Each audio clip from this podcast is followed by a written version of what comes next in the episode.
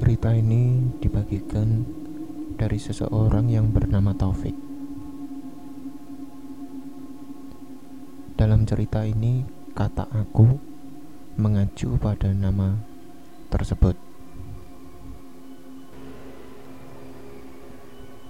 Cerita ini berawal dari tahun 2014 silam di kampung yang bernama Sukomoro. Saat itu aku menginap di rumah teman untuk suatu urusan. Dulu waktu masih SMA, aku sering menginap di rumah temanku itu.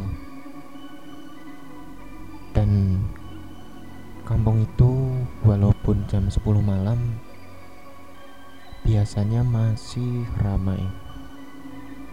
Anak muda beserta bapak-bapak masih nongkrong di depan rumah. Tapi saat malam tersebut baru jam 8 sudah sangat sunyi. Aku bertanya pada temanku, tapi jawabannya mungkin pada istirahat kali.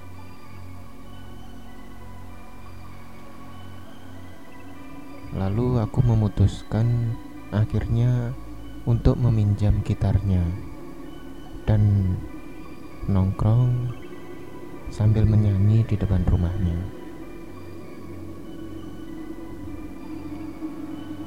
Waktu pun semakin berlalu, malam semakin larut,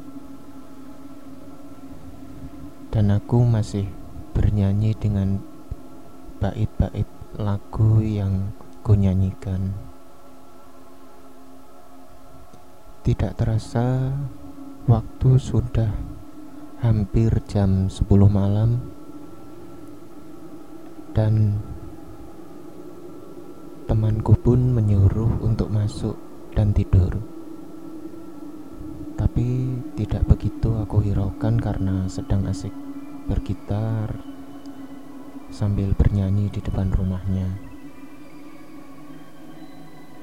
Beberapa menit berlalu, tiba-tiba aku dikejutkan oleh sosok pocong yang melintas di depan rumahnya.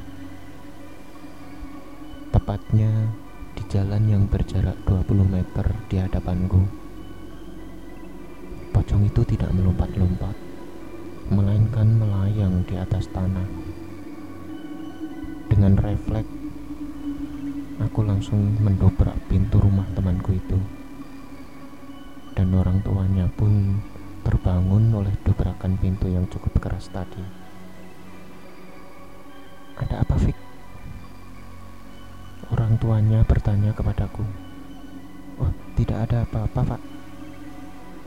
Dengan muka yang pucat dan keringat yang mengucur di wajahku, aku meminta tolong bapak temanku tersebut untuk menutup pintunya karena aku masih teringat pada sosok pocong tersebut.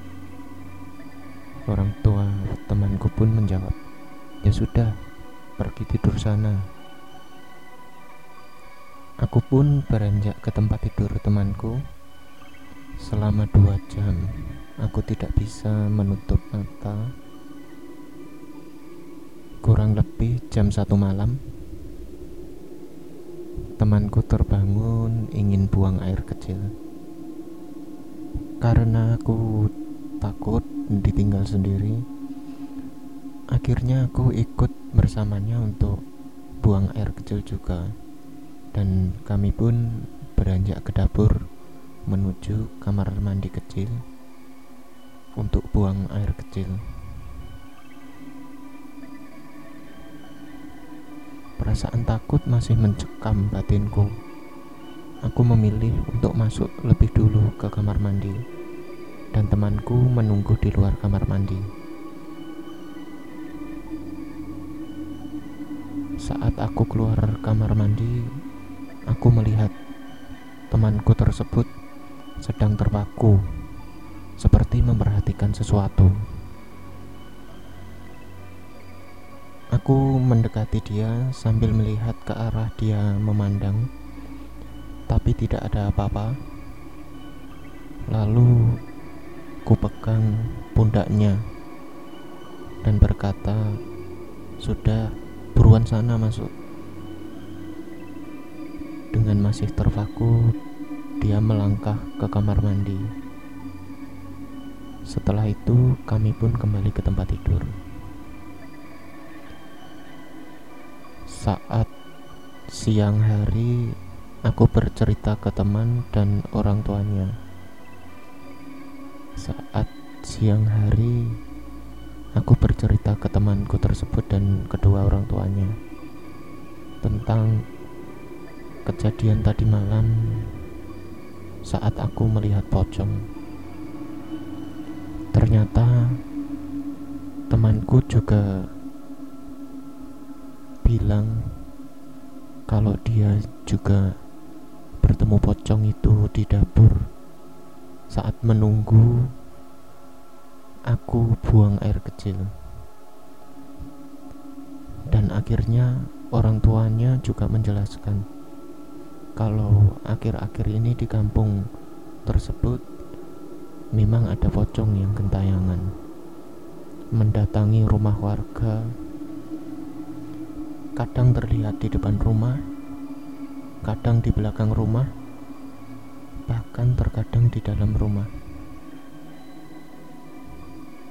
Pasalnya, seminggu sebelumnya ada warga mereka yang meninggal dunia, dan arwahnya gentayangan jadi pocong. Karena semasa hidupnya, maaf, bisa dibilang membungakan uang dan dia juga kabarnya selalu menggeser patok ukuran tanahnya agar lebih lebar.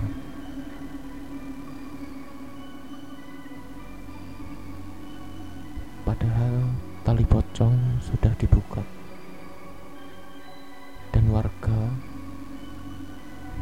dan semua warga pun juga memastikan kekuburannya. Ternyata kuburannya telah